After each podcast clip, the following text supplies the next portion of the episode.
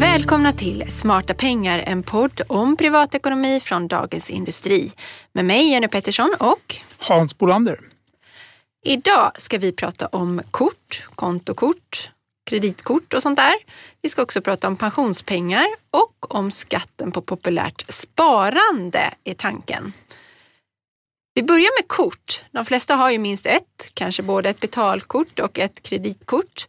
Eh, och det är ganska bra att hålla reda på villkoren på de här korten, eller hur Hans? Ja, men exakt. Det finns ju faktiskt en mängd olika eh, saker som korten är både bra och dåliga för. Vi har räntor, vi har årsavgifter och vi har faktiskt möjligheter att eh, kunna reklamera köp om du köper på kredit.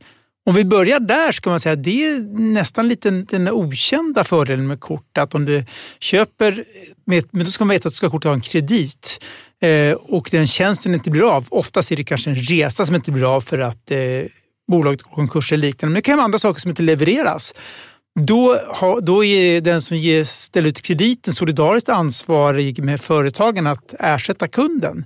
Så att då kan man direkt gå på sin bank eller ut och, och säga, ja, men hallå där, nu gick, nu gick det här resebolaget i konkurs, nu vill jag tillbaka mina 74 000 säger vi. Ja, eh, det är ju väldigt praktiskt. Jag har själv gjort det ett par gånger faktiskt. En ja. gång var det ett flygbolag som gick i konkurs.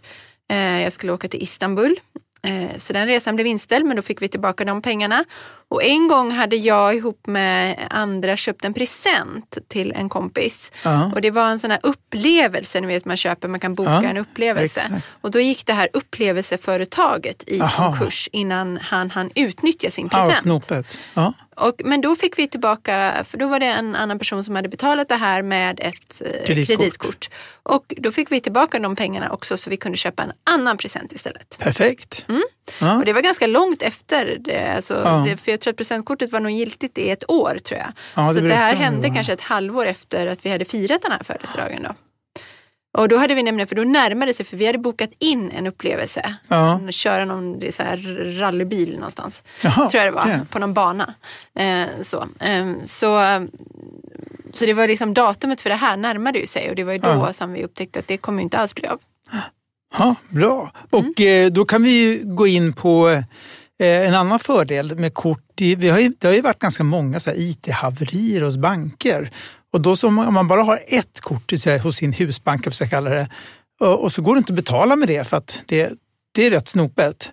Eh, och då om man har ett extra kort så är det rätt smidigt att kunna betala med det, för det är inte så många som har kontanter idag längre. Så att, Nej, det är ju det att man ska ha kort från olika banker. Då, alltså. Exakt. Alltså. Ja, man ska inte ha två viktigt. kort från sin, ja. sin vanliga bank utan hellre då ett från Precis. någon helt annan. Och där ska, tycker jag man kan tänka också på att det ena kanske ska vara ett Visa och det andra ett Mastercard. Eller, eller något annat. Ja. Eh, för det händer ju också när man reser så kan det ju vara så att helt plötsligt har ett av de här stora, en av de här stora aktörerna problem globalt. Så det går helt plötsligt inte att handla med en viss typ av kort. Eh, och då kan det vara bra att dra fram sitt andra kort istället. Ja, ja men jag tänker då att om man, om man ändå skaffar kort från olika aktörer, även har det då med olika utgivare. Ja. Eller kortföretag. Precis. Och då kommer vi då till myntets baksida. Eh, det vill säga att det, det kostar normalt en årsavgift eh, på ett par hundralappar. Eh, och det kan vara dyrare än så också, men normala är att de ligger mellan 2 till 350 kronor. Men det kan vara dyrare. Och eh, sen finns det också att det är ränta på krediten. Eh, och sen finns det, om man använder kortet utomlands, så är det också där, det är väldigt smidigt att kunna betala utomlands. Men då ska man ju veta det att väldigt många, och det här går vi igenom i DI, eh, vilka bolag som har, eh, tar valutaväxlingspåslag kan vara eh, som lägst, eh, som lägst kan det vara noll. Ett par har inga påslag alls. Då får du ren bankens kurs. Det är jättebra kan jag säga. Eh, billigare än så blir det inte att växla valuta. Men eh, en, annars är det vanliga är från 1,5 procent ända upp till 2-2,5 procent i påslag. Så att, det kan ju eh, bli en hel del om man, om man använder ja, kortet mycket på en resa. Exakt. Och så kommer man se upp också för kontantuttag. Nu kanske det börjar spela ut sin roll. Inte så många använder kontanter utomlands men det är, i vissa länder så måste man nästan ha kontanter faktiskt. Och då är det såna, och då är i, inom EU så ska det vara gratis. Men utanför EU så, så kostar det Eh, oftast en slant eller två har gratis valutauttag. Och eh, då, men då kan jag samma där, det kan gå från en halv till 2-3 procent och så vissa har alltid minimiavgift på kanske 45 kronor vid ett uttag. Så, här. så att, ja, där bör man eh, kolla upp villkoren noga. Så att, Läs det i sammanställning. Ja, du har ju skrivit ja. om det här Hans, eh, en jättebra sammanställning. Eh, men man kan också hitta de här på... Det kan man. Mm, det är några, det är några aktörer som, som gör de här sammanställningarna. Ja, och framförallt kan man titta på den här sajten som heter Konsumenternas. Konsumenternas. Det är ett samarbete mellan Konsumenternas försäkringsbyrå, Bankfinansbyrå och några andra byråer och eh, branschen faktiskt som gör det här tillsammans. Och där ligger alla villkoren för ja, i alla fall ett 80-tal kort. Sen finns det fler kort. Och, och sen till det här så ska vi komma ihåg att tekniken håller ju på att springa ifrån oss, på att säga. det gör den inte. Men vi hänger med, men det, det händer ju mycket. Att eh, till exempel ja, inrikes betalar ju väldigt många med Swish eh, idag, men det är ju också, eh, det, det har ju kommit ett kort, på utländska kort, som är så kallade prepaid cards. Som Vad innebär det? Nej, det är att då du, du betal, sätter in pengar på ett konto. Om du öppnar hos det här, eh, kan vara brittiska eller tyska kortföretaget. Eh, sätter du in pengar i förväg på ett konto så handlar det blir som ett betalkort. Då har du inte den här krediten som vi pratar om. Däremot, och de har nästan alltid ett gratiskort som inte kostar någonting och det är väldigt bra valutaväxling. Oftast inget påslag på valutaväxling. Eh, men som sagt, du har ingen kredit och du får sköta. Men, men vad jag har fått det demonstrerat för mig hos en god vän som har haft ett av de här korten i flera år och är jättenöjd. Det går jättesnabbt att sätta, eh, sätta in och ta ut pengar. Det går att blockera väldigt snabbt. Ska du köpa någonting på internet så bara sätter du på det direkt via en app och stänger av sen. Så det är också väldigt hög säkerhet. Så att ja, det händer men mycket. Finns det, finns det ingen, men man betalar en avgift? Eller Nej, alltså det här vad, baskortet är inget. Däremot deras, jag tror att de här stora kortföretagen, eh, de söker ju sälja på andra kort med avgift. Och, ja, för någonting måste de ju tjäna exakt, pengar på. Ja, och det finns, eh, framförallt så vill de få in en kunddatabas och kunder och de erbjuder handel i allt från bitcoin till aktier och andra saker också. Eh, så de vill ju bli en, kan man säga, någon sorts internationell nätbank bank och det här ska vara första steget in. Så därför kan det vara väldigt förmånligt att ha det här baskortet som är helt gratis och utnyttja de här tjänsterna. Mm. Så det finns ganska många olika alternativ att välja på utöver det vanliga betalkortet som de allra flesta människor har och kanske då ett kreditkort. Men det är bra att tänka igenom det här. Vad har du i plånboken egentligen? Och se till att man liksom har en bra kombination av kort ja, kanske. Verkligen. För jag tycker rekommendation är i alla fall att man alltid har två kort. Det, det tycker jag är någon sorts minimum idag faktiskt. Mm. Sen ska man inte heller glömma, vi brukar prata ibland om äh, rabatter man får här. Det pratade vi om förra gången. Exakt. Och det kan man också få via vissa kort. Ja. Eh, olika typer när man hyr bil och sånt där. Och kanske... Större köp ger ju en del, oftast lite, och flygresor är vanligt också med rabatt. Det är ju jättevanligt. Så håll koll på det och se till att ni har bra kort och, så, och, och se till att använda rätt kort i rätt sammanhang. Ja. Så vissa saker är bra att betala på kredit faktiskt för att man har det här skyddet om någonting går i konkurs. Och att en resa är ju jättebra att använda kreditkortet för. Medan andra saker kanske du köper löpande och vill liksom att det dras direkt och sådär. Ja, precis och att ha olika då. Eh, och kanske då ett kort med, lit, med litet eller inget valutapåslag kan man ju ha för resor. Ja. Men det är inte säkert att det är det mest förmånliga att använda hemma. Så det finns ju lite Nej. olika varianter på det där. Eh, och, eh, men, men man får också se då, för vi säger ju minimum två kort men man ska ju inte sitta med liksom sex, sju kort som man betalar årsavgifter för om man inte behöver dem för ett specifikt syfte tänker jag. Det får man ju också passa sig för. Ja, nej, men då kan ju lätt kortavgiften springa upp i tusenlappar och det blir lite absurt att betala det för att ha kort. Jag har ett kort som jag förr använde mycket när jag reste just för att de hade inga uttagsavgifter även i länder där andra hade det och inget valutapåslag. Så jag använde det mest när jag reste. Men nu har liksom villkoren för det kortet försämrats ganska mycket. Ja. Eller rättare sagt kanske också då andra som har förbättrat sina villkor så att det har jämnats ut. Men däremot vet jag att jag får rabatter via det kortet som jag utnyttjar varje år. Så att det är liksom rabatterna blir större än årsavgiften och därför har jag tyckt att det var ja, värt att behålla det. Så det får man utvärdera för varje kort. Ja. Ja, men jag. jag, tycker jag ska, nu efter det här så, när jag läst på mycket nu, ska jag ändra i min kortflora. Ska, ett ska kastas och ett annat ska jag skaffa. Mm, spännande. Ja. Får du utvärdera det sen då? Så kanske Exakt. vi får prata om det igen ja, det så här, efter, efter, efter, sommaren eller någonting när du har använt dem på semestern och allt ja. sånt där. Det kanske blir jättedyrt. Jag kanske överkonsumerar dem, man vet inte. Oj, nej men du är ju så klok Hans, så det, tror, det har jag svårt ja, att tänka mig. Det, jag tror också jag kan hejda mig. Du kan, du kan hejda dig. Häromdagen så fick vi veta vad skatten på ISK blir nästa år, alltså investeringssparkonto, denna mycket populära sparform som växer stadigt. Den skatten på ISK styrs av statslåneräntan som gäller den 30 november och den sattes då till 0,23 procent och det är den eh, siffran man använder i en beräkningsmodell för att komma fram till vad skatten blir. Men Eftersom statslåneräntan har varit väldigt låg i flera år så infördes ett golv i det här systemet för några år sedan när regeringen tyckte att skatten helt enkelt blev alldeles för låg. Eh, det här hade man kanske inte tänkt sig 2012 när man inrättade det här systemet. Att, att vi skulle ha, att vi skulle ha nollräntor. Så eh, nu finns det en uträkningsmodell som eh, blir ett slags minimum då. Och vad händer nästa år, Hans? Ja, nej, men då blir det så här att eh, nästa år så blir eh, den effektiva skatten på ISK eh, och kapitalförsäkring 0,375 procent, det vill säga samma som i år. Det är en årlig schablonskatt. Precis, för att vi fortfarande ligger under golvet. Exakt. Och det, är, är den lägsta skatten ja. det kan vara helt ja. enkelt. Mm. Så nästa år kommer det vara ett fortsatt bra år med låg skatt. Eh, på det. På, sen tror ju jag att man kan förvänta sig att, det, att eh, räntan går upp lite grann under nästa år och vi kanske får når över den här magiska gränsen på 1,25. Det vet vi inte ännu, men det avgörs av konjunktur och liknande.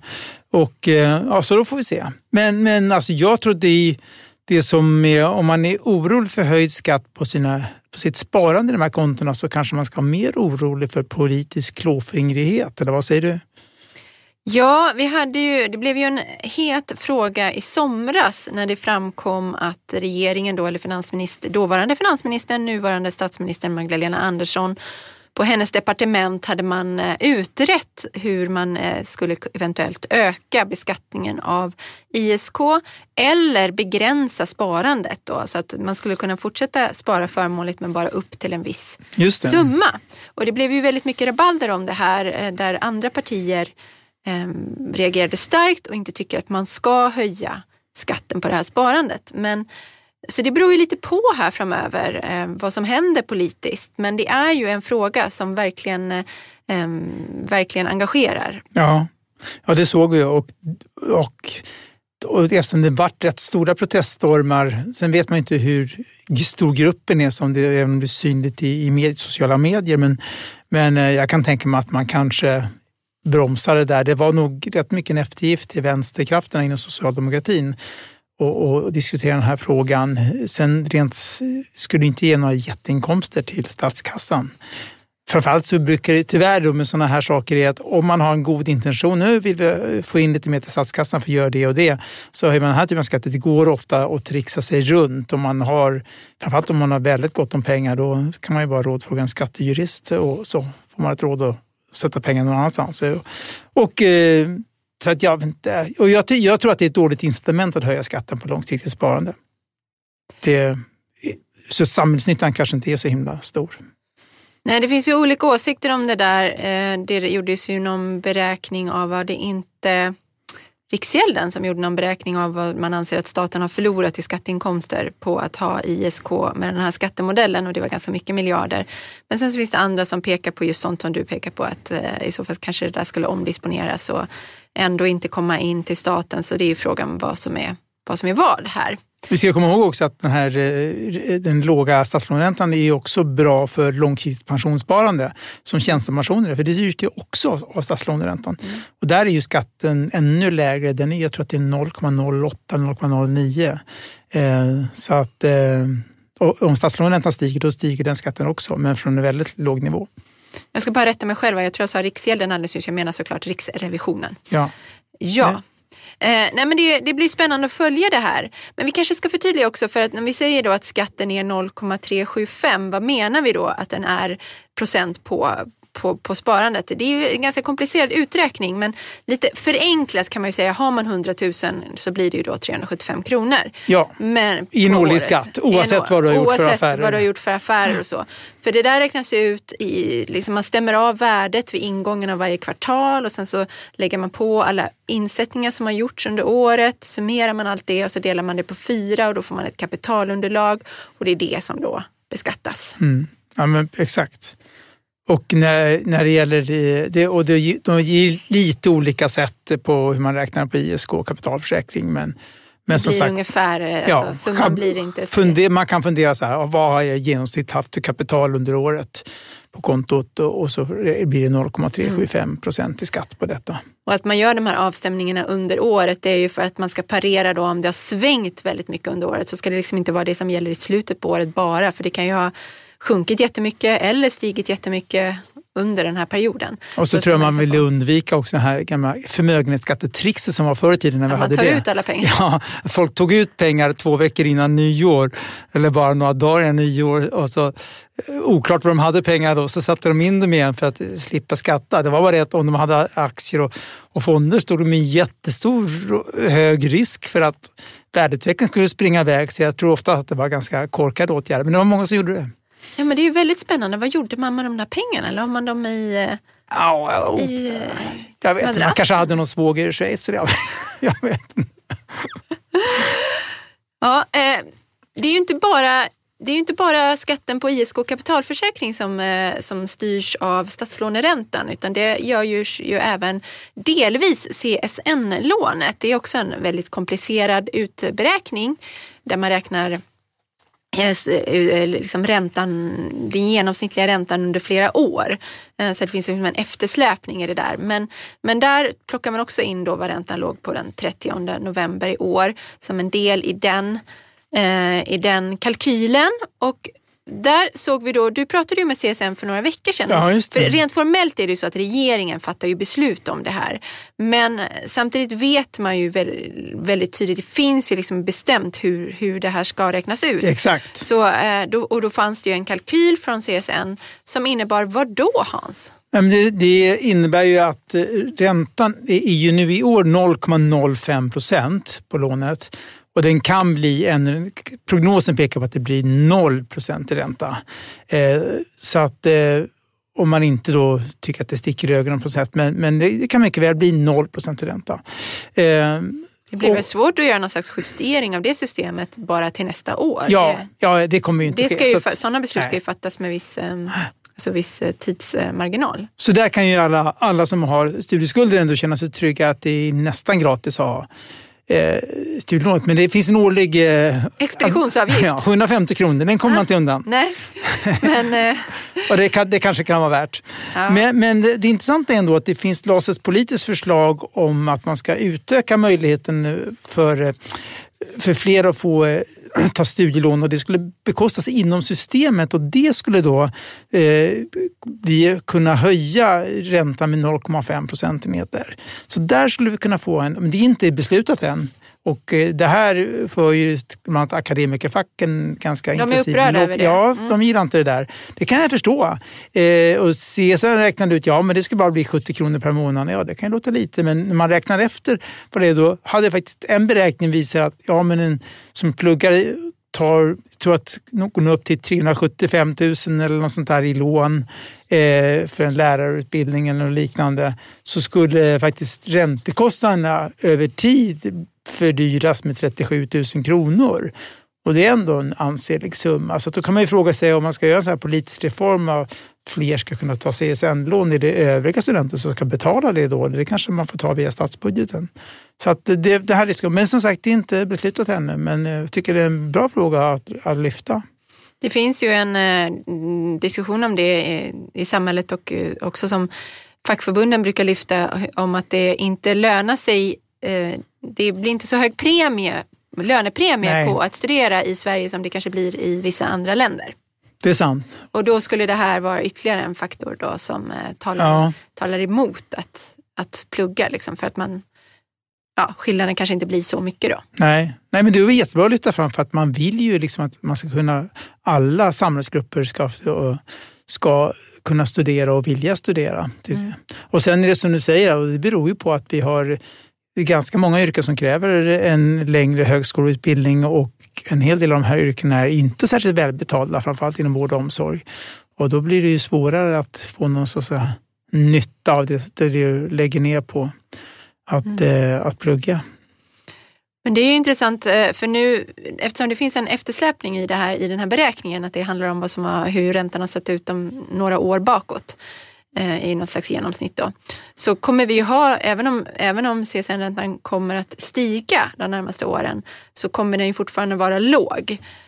Samtidigt har ja. vi ju faktiskt nu en inflation ja, i samhället. Sant. Så det är ju också intressant som ju då gröper, gröper ur skulden. skulden. Ja.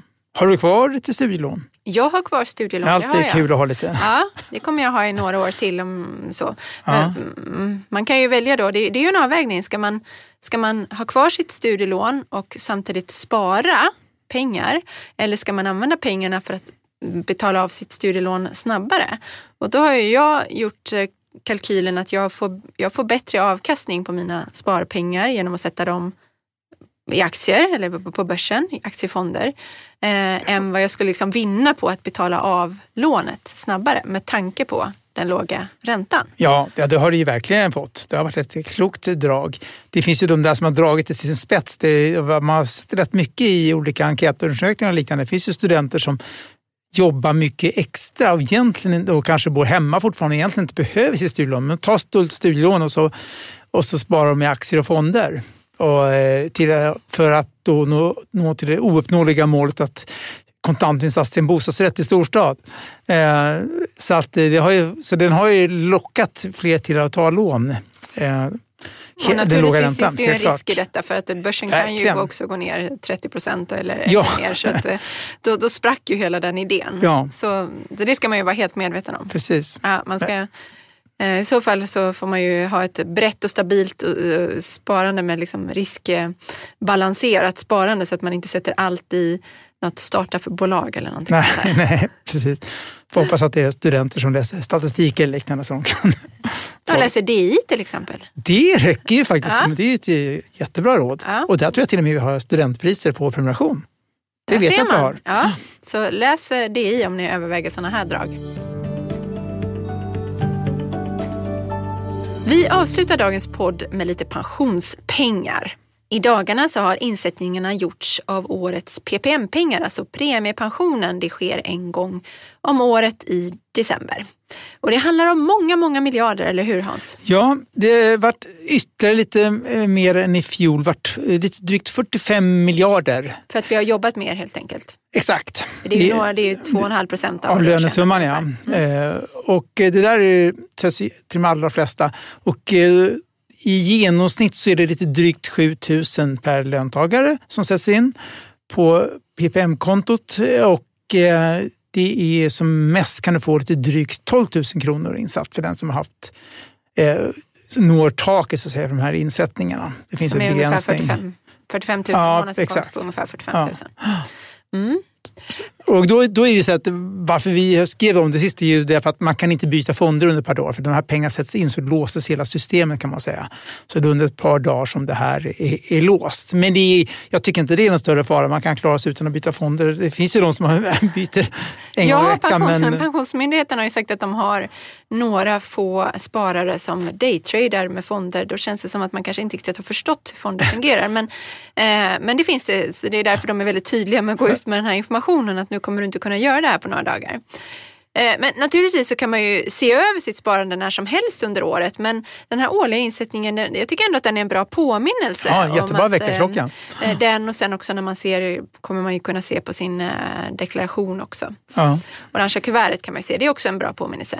Men det, det kan ju vara så att man börjar närma sig pension och bör se över risken. Eller så har man helt enkelt, är man ung och har alldeles för låg risk och behöver byta ja. av den anledningen. Så att, en liten påminnelse om att kika in där i alla fall någon gång om året och om du har gjort några aktiva val, det kan, ju, att, det, det, kan ju vara som jag då som har AP7-soffan som är mitt aktiva val. Och den ja. ändrar ju inte jag utan den Nej.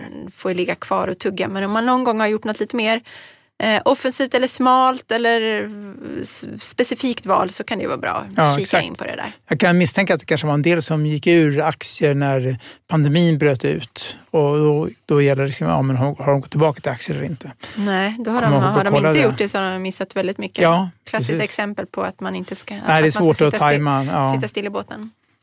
Eh, nej men så ta en, ta en titt på era pensionspengar. Ja, det absolut. Mm. Efter den, eh, ja, i mitten på december ska det i alla fall vara öppet, helt öppet och då kan man byta också.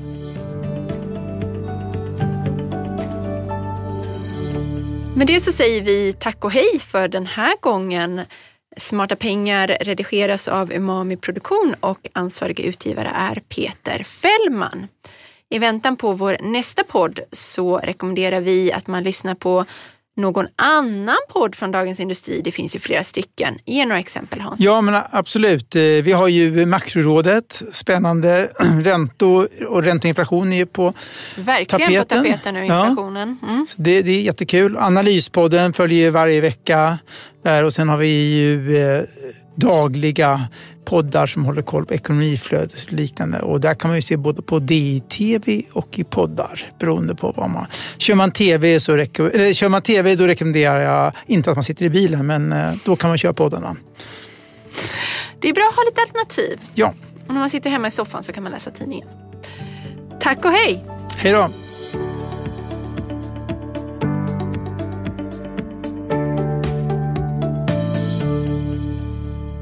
Varje vardag klockan sju uppdaterar Ditvs Morgonkoll dig om natten och morgonens viktigaste nyheter.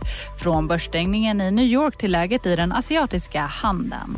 Och strax därefter kommer podden med samma namn. Prenumerera på Morgonkoll du också så är du uppdaterad inför varje ny arbetsdag. Morgonkoll finns där andra poddar finns.